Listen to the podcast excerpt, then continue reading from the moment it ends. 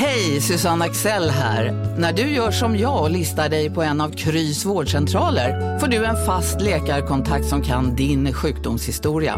Du får träffa erfarna specialister, tillgång till lättakuten och så kan du chatta med vårdpersonalen.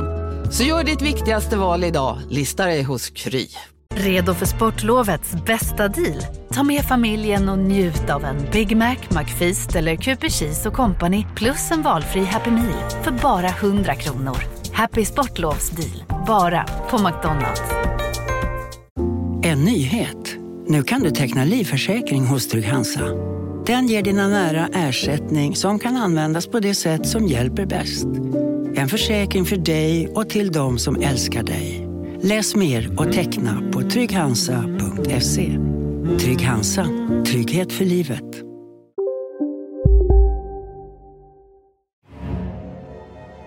Från Monopol Media, det här är Kapitalet med mig Marcus Morey Haldin. Och med mig Gunnar Harjus. Gunnar, idag i USA och nu för tiden även i Sverige så firas Halloween. Mm. Var du på någon Halloweenfest i helgen? Eh, nej, jag håller inte på med den typen av keltisk frågetecken, kulturappropriering. Jag, jag firar allhelgona vet du. Ah, okay, okay, Mm. okay. Du då? Tyvärr. Men när jag tänker på dig, då tänker jag att du skulle passa bra som vampyr. Jag kan liksom se dig med en cape och såna här vassa löständer. Men nu tänkte jag prata om ett annat monster, ett finansiellt monster. För vad är det som återuppstår från de döda, smittar genom att bitas och älskar gärna? Eh, det är zombies. Helt rätt. Jag tänkte börja med en filosofisk fråga. Är en zombie vid liv? Ja du, det är väl faktiskt en filosofisk fråga. Vad är levande? Alltså jag tänker att de rör sig. Det är ju ett levnads, ett liksom livstecken. Eh, det känns inte som att den kanske är så medveten. Jag säger död. Dr. Jerry Kavuras, professor i biologi på Lewis University i amerikanska Illinois, han håller inte med. they're alive. And why do I say that? Well, typically zombies are seen as creatures that eat humans' brains. If zombies need to eat brains in order to continue, that implies a metabolic need. Okay, they need energy. They may appear dead or look dead, but they're not dead. En plats där det i alla fall är 100% säkert att zombies lever, och jag vet inte om de frodas, men de stapplar i alla fall omkring, är på Stockholmsbörsen. Dessutom så har de bara blivit fler och fler under de senaste åren. Antalet så kallade zombieföretag på Stockholmsbörsen har stigit från 7 till 64 stycken under de senaste 10 åren. Och vissa menar att de här tränger undan de levande icke-zombieföretagen. Vad är ett eh, zombieföretag? Äter de andra företag? Smittar de dem med något sånt vagt virus? Alltså, enligt vissa så äter de i alla fall resurser, personal och produktivitet. Och till sist kanske de kommer äta allas vår ekonomiska framtid. Medan det finns andra röster som säger de är ofarliga. I dagens Kapitalet. Hur många zombies finns det egentligen? Har Riksbanken skapat fler? Och är det vi eller zombierna som är illa ute i apokalypsen?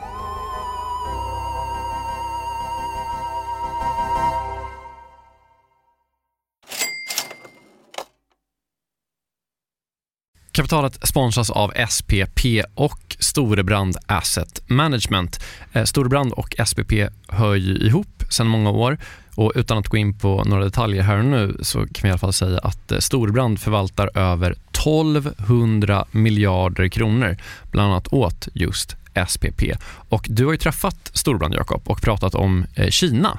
Ja, eh, vi, pratar i alla fall om hur Kina blivit en sån otroligt viktig del i omställningen av energisystemet. Eh, över 70 procent av värdekedjorna inom vind och solkraft kontrolleras av Kina, vilket är s- otroligt när man tänker på det. Ja. Och det handlar om att Kina väldigt tidigt insåg att energi är makt. Och att man genom sol och vindkraft kan göra sig typ fri från att importera olja och gas och sånt. then if you think that tomorrow or today's you know power base is going to in a large part be about renewables then obviously having a stranglehold on those renewables and all the technologies that go into it is going to be part and parcel of that power play Eh, det här är då Philip Ripman som ansvarar för Storbrand Global Solutions, eh, en fond som investerar i lösningsbolag över hela världen. Mm. Och hela det här avsnittet om Kina och geopolitiken som nu liksom är invävd i den globala omställningen, eh, den släpper vi som en bonus här i kapitalet nu i veckan. Ja, och mer information om storbrand kommer vi få i kommande avsnitt och eh, man hittar också förstås mer om man vill ha det här och nu på storebrand.se. Vi säger stort tack till SPP och Storbrand. Tack!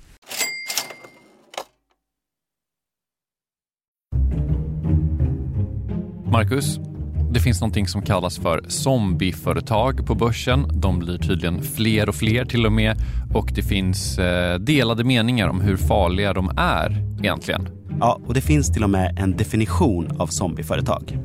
Det ska vara ett företag som är minst 10 år gammalt och som inte har kunnat betala sina skulder med hjälp av sina vinster under de tre senaste åren. Det är en hyfsat vedertagen definition på ett zombieföretag. Alltså ett företag som inte kan betala sina skulder av, från, från sina vinstmedel som kommer utan de är beroende av låga räntor kan vi säga. Det här är Mats, Mats Kinnvall, som är chefsekonom på Teknikföretagarna. Det är ju verkstadsföretag, alltså det är, det är tillverkningsindustrins företag. Okej, men vilka är de här zombieföretagen då? Men för det första kan vi säga att anledningen till att företaget i den här definitionen måste vara mer än tio år gammalt är ju att det finns ju massa företag som inte går med vinst i början. Mm.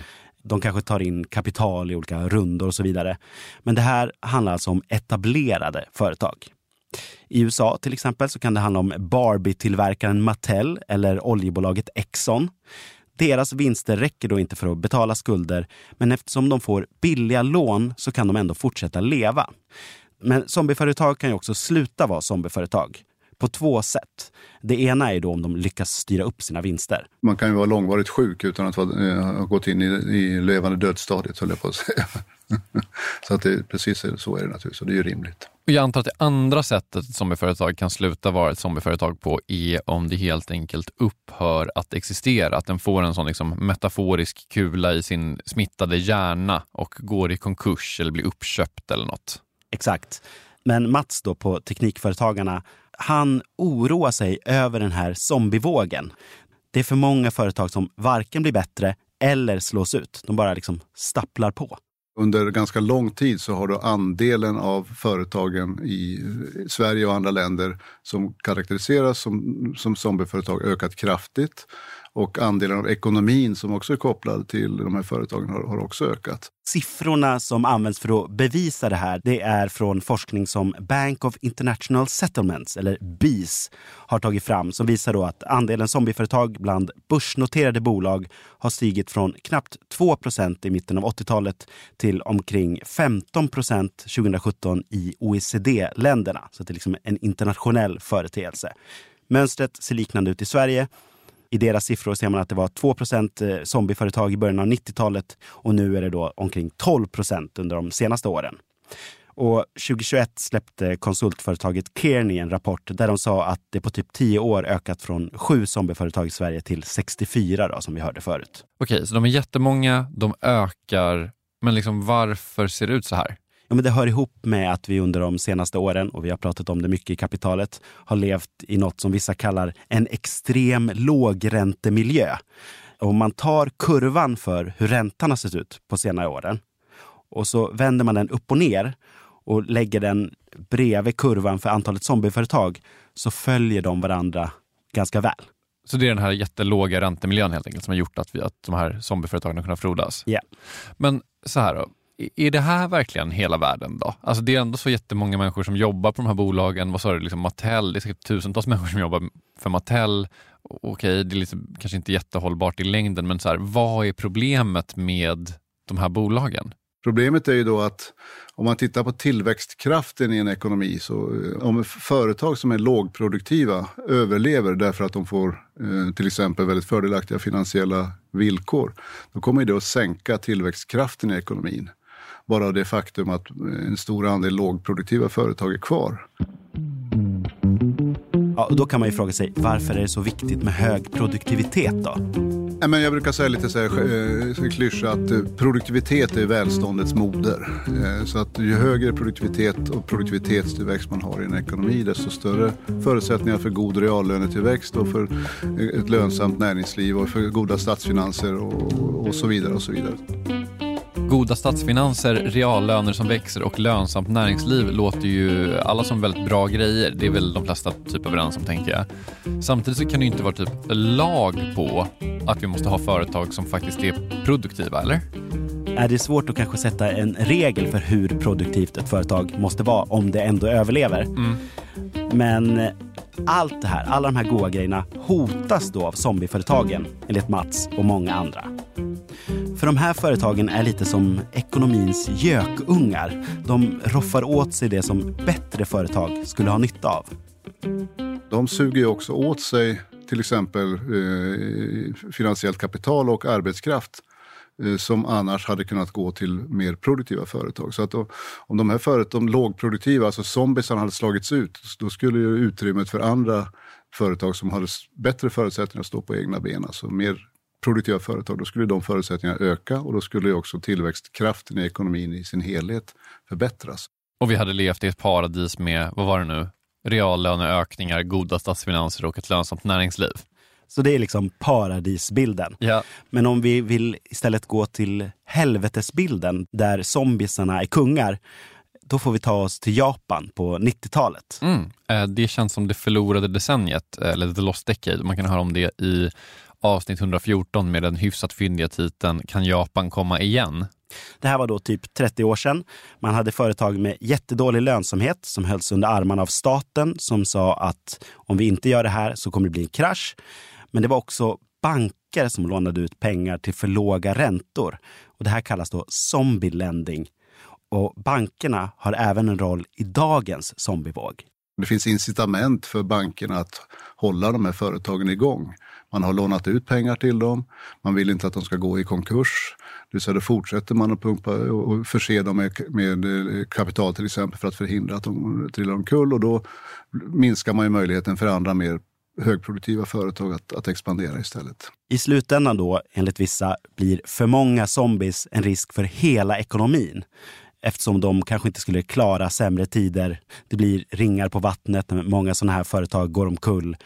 Men det finns kanske inte en specifik siffra för hur många procent zombies som är samhällsfarligt. Det kan finnas tipping points precis som i klimatet, men det kan man ju bara spekulera om. Om det är 10 eller 20 eller 30, utan jag skulle nog säga att eh, fler är sämre.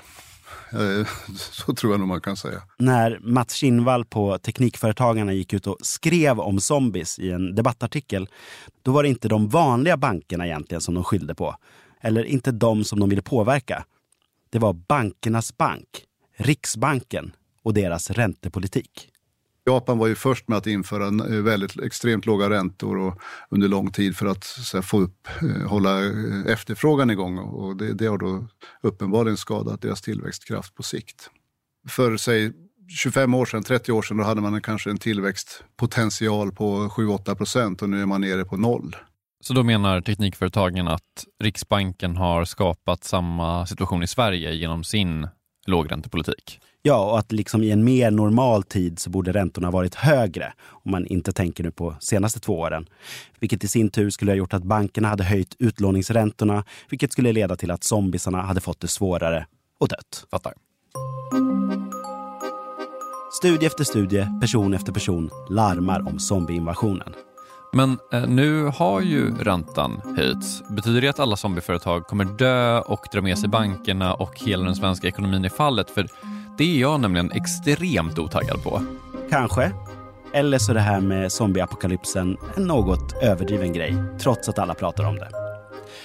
Varför zombies kanske är mer tandlösa än vi tror och varför det är större monster vi egentligen borde vara rädda för. Efter det här.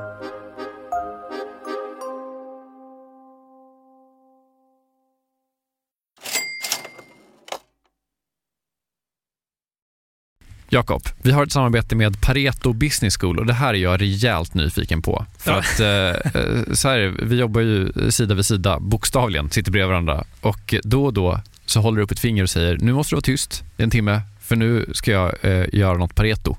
Exakt. Ja. Eh, Jag gillar ju att lära mig nya saker, det gör ju många journalister.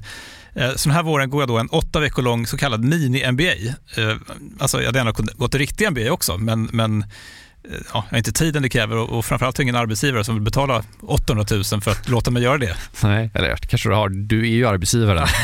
ja, snål, snål arbetsgivare. Mm. Eh, det- eh, Det är då Jens Bäckbom och Mattias Eklöf, två svenska entreprenörer som har skapat den här utbildningen just eftersom det finns ett gigantiskt hål mellan typ YouTube-filmer och en, en riktig MBA. Ja, och det här är då Pareto. Exakt, Ja. Pareto MBA. Eh, Paretos utbildning kostar cirka 25 000 kronor och, och under åtta veckor så lär man sig jättepraktiska och tillämpbara modeller för hur man startar, skalar upp, driver och säljer bolag. Eh, Jens och Mattias eh, de håller själva i många av föreläsningarna. De är garvade entreprenörer båda två. Mm. Och har man så olika gästföreläsare som kom in. Mm. Typ någon kille som, som eh, var expansionschef på Spotify, någon som körde marknadsföring på Revolut, eh, en kille som driver Sveriges största campingkedja, Mm. som har varit med i kapitalet faktiskt, Okej. Johan Sör. Ja. Ja, just det. Också varit en helt otrolig svensk eh, entreprenör som byggt massor med grejer i Vietnam. Alltså makalösa berättelser. Ja, wow.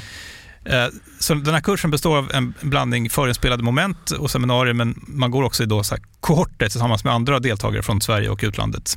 Jättenyttigt, eh, tidseffektivt och funkar jättebra för, för den som vill driva egen verksamhet som, som typ vi gör här. Eller om man typ driver projekt och affärer i större bolag. Wow. Om man är taggad på att eh, bli en del av den här, liksom, vad ska man säga, Jakob skolan om man vill bli som dig, lära sig lika mycket som, som du har lärt dig, vad, Ja. vad gör man då? Eh, Nästa kursstart är 5 april. Så vill man ta ett kliv framåt i sin utveckling eller karriären eller så, gå då till arbetsgivaren och kolla om du inte kan gå den här utbildningen. Priset ligger alltså på 2500 euro, men ni får 10% rabatt om ni anger Monopol Media som referens när ni eh, gör er anmälan. Mm. Eh, Man kan också gå in på paretoschool.com för att eh, läsa mer och ja, se lite smakprover från själva utbildningen. Då. Mm. Så att eh, man sparar jättemycket pengar för att gå Handels MBA och man sparar ytterligare pengar om man tar del av Monopol Media-erbjudandet. Ja, exakt. Ja, en no-brainer som vanligt. Plus att man blir ju eh, alumnkollega med mig då. Verkligen. Så stort, stort tack till eh, Pareto Business School och eh, gå in på paretoschool.com.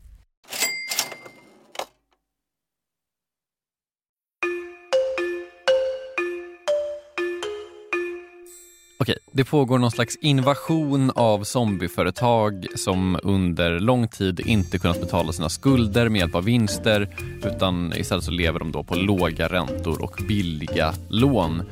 De är, enligt bland annat OECD och flera svenska experter, en fara för hela ekonomin eftersom de konkurrerar ut sunda företag och hotar tillväxten.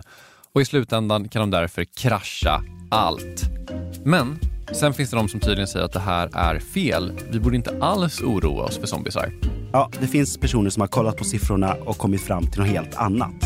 That's why we saw a decrease in the number of zombie firms over time.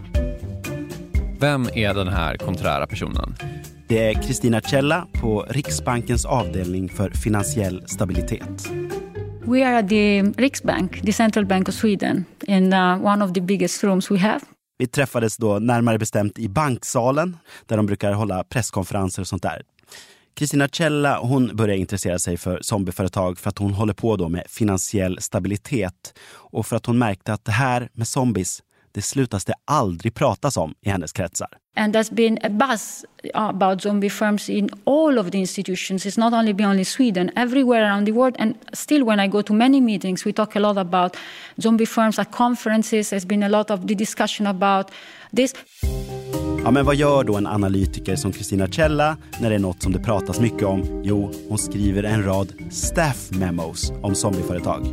Och staff memos är typ inhouse forskningsanalyser som Riksbanken publicerar men som alla andra också kan läsa. I september 2020 så publicerar hon sitt memo om zombieföretagen i Sverige och hur de påverkar realekonomin och den finansiella stabiliteten i landet. Och resultatet, det är, det är lugnt. Well, actually, zombie fear per se in isolation, I don't think they pose a big threat to financial stability or to the real economy in general. Those are the conclusion of my study. Hon sitter alltså vid sitt köksfönster och blickar ut och ser alla de här zombisarna som bara liksom går runt på något fält. Men då bara typ drar hon ner rullgardinen och tänker att äh, det här var inte så jävla farligt, eller? Ja, men lite så. Ja. Dessutom så menar hon att själva premissen är fel. Till skillnad från resultaten i de här andra studierna vi har pratat om så ser inte hon heller att zombierna ökar i antal. One thing that is important is that the number of zombie firms has been quite constant since between 2011 and 2016. We have also seen a decreasing in it between 2016 and 2019, which are the most recent period of, of we can look at. It's been quite stable around 3.6 or something. Och den sista siffran här är då 3,6 procent. Det är då andelen företag som är zombieföretag.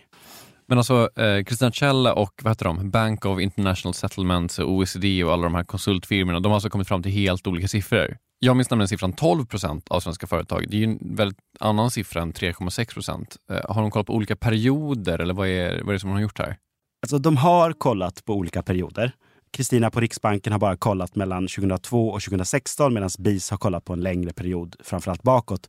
Men även om man bara skulle köra på Kristina Källas urvalsår så är resultaten väldigt olika. Men hur kan det blivit så? Do you want me to give a nice answer or a straightforward answer? Jag vill raka svaret tack. Eh, eh, och om jag får gissa, om det inte är tidsperioden som skiljer sig eh, så är det rimligtvis urvalet då. Vilka företag är det de har kollat på? So when you look at the data, right, you, um, especially outside of Sweden, many of the data sources are biased toward large firms because, of course, the large firms are the most representative of our economy. And these are the data to which many of the international organizations have, have uh, access, like the OECD. Many studies have been done at the OECD or at the IMF, for example. And uh, instead, what we have access to in Sweden is a very large data sample in which basically we have firms of all sizes. In my um, sample is about half a million firms, which are all limited liability aktiebolag firms in, in Sweden. Så Kristina Kjella har då använt sig av ett helt annat urval än de här internationella jättarna. De har kollat på färre och större börsnoterade företag medan hon har kollat på typ alla svenska AB som finns. Dessutom så har de här andra studierna vägt resultaten efter företagens storlek. Så om ett större företag är en zombie så påverkar det statistiken. Eh, så hade jag också gjort. Ja, att stora företag borde påverka den finansiella stabiliteten mer. Känns logiskt. Ja. Men här ligger den stora skillnaden. Kristina Källa menar att hennes sätt att mäta är bättre. Bigger firms have a larger impact on stability, but you know, also the other firms matter, right? We need to be aware that even though larger firms borrow more, but from the financial markets or from the banks, we still have an entire economy to look at. This is the central bank. It's not that we care only about the large firms, and that's the reason why I talk about all firms and the large firms, not only you know, I don't exclude anyone. Okej, för att sammanfatta då. Folk är lite oense om huruvida zombieföretag är en stor grej eller en stor fara för ekonomin eller inte. Och allt kokar ner lite grann till typ metodfrågor egentligen. Eh, så att om man väger de större företagen i statistiken så som BIS har gjort så har de rätt. Men om man kollar på fler företag som Kristina Kjell har gjort så är det betydligt färre zombies i Sverige och de är dessutom typ ofarliga. Det är inte heller så då att de typ konkurrerar ut de här andra företagen, eller? I don't find results that are consistent with this. I don't find that they impair competition at the industry level. I don't find that they um, hinder access to resources and things like this. So the, I don't find that they are a big problem for real economy, right? For other for the competition at the industry level. At least I don't find it in my study. Jag är verkligen en sån stoppa huvudet i sanden person så att jag känner att det här känns jätteskönt att vi inte behöver oroa oss för att svensk ekonomi är hotad av typ så företag som lever på billiga räntor. Kristina Källa menar dessutom att det finns en risk att prata för mycket om zombies. För ja, de är relativt lätta att definiera. Men om vi bara pratar om dem så missar vi större hot mot den finansiella stabiliteten. De sårbara företagen.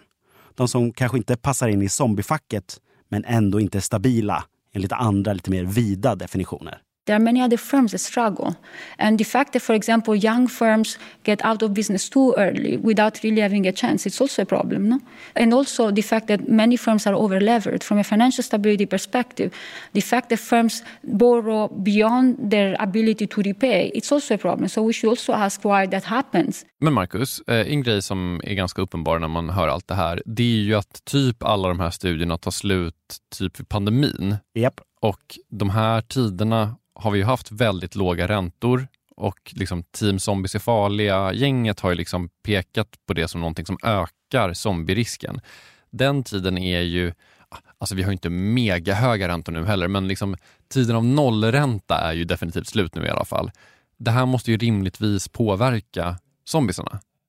Många pratar om att de kommer få det svårt. DN skrev att vi kanske kommer få se en zombieparad ut från börsen. Mm. Men även här då menar Kristina Källa att det kan man inte säga säkert. In a study that I published last year, I actually tried to estimate how the zombie rate, the amount of zombie firms in the economy, has changed during the pandemic crisis, right? And I find myself that the, the number of zombie firms has most likely increased because of the economic crisis that has ensued after the uh, after the, the COVID pandemic. But what will happen in the future is hard to tell. Because I'm not a magician, to be honest.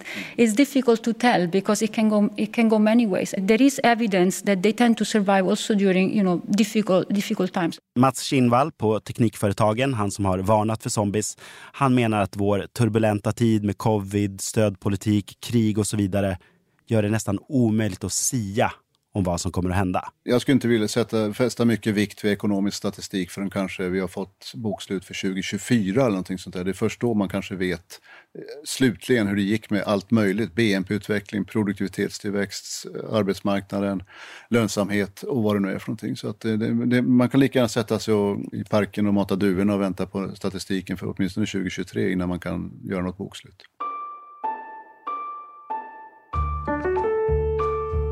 Innan vi slutar Gunnar tänkte jag att vi skulle gå tillbaka till zombie-zombisarna. För medicinfilosofen Dien Ho vid Boston University, han argumenterar i tidskriften Philosophy Now att det kanske till och med är rätt soft att vara en zombie. Och för att öka på den här apokalypsstämningen ännu mer så har jag låtit en AI läsa in hans citat. They are not concerned about the threat of terrorism, floods, earthquakes, and hurricanes. And they certainly do not become jealous, depressed, worrisome, or suffer the other anxieties that regularly plague our waking moments. Indeed, if we focus on just these qualities, the life of a zombie resembles the ideal state of a disciplined Zen Buddhist monk who has managed to let go of his earthly concerns. Om jag får ha en liten invändning så kanske det inte är det absolut bästa för typ ett bolag. Alltså de som jobbar där, deras investerare kanske kommer bli lite sura om det är så här. Nu inför Q4 tänkte vi presentera en ny strategi som är att inte bry oss om någonting. Du har en poäng. Kapitalet är slut för den här veckan. Vi som har gjort det här avsnittet är jag, Marcus Morey Haldin, du, Gunnar Harjus, Ja. Elinor Alborn och Agnes Wenzel Blank jobbar också på Kapitalet. Jakob Persell är vår ansvariga utgivare. Och för mixen står Kristoffer Krook. Mm. Vi har en Instagram, Marcus. Vad heter den? Ät kapitalet. Vi har en Twitter. Vad heter den? Ät kapitalet. Det, det går från klarhet till klarhet. Vi är tillbaka om en vecka. Hej då. Hej då.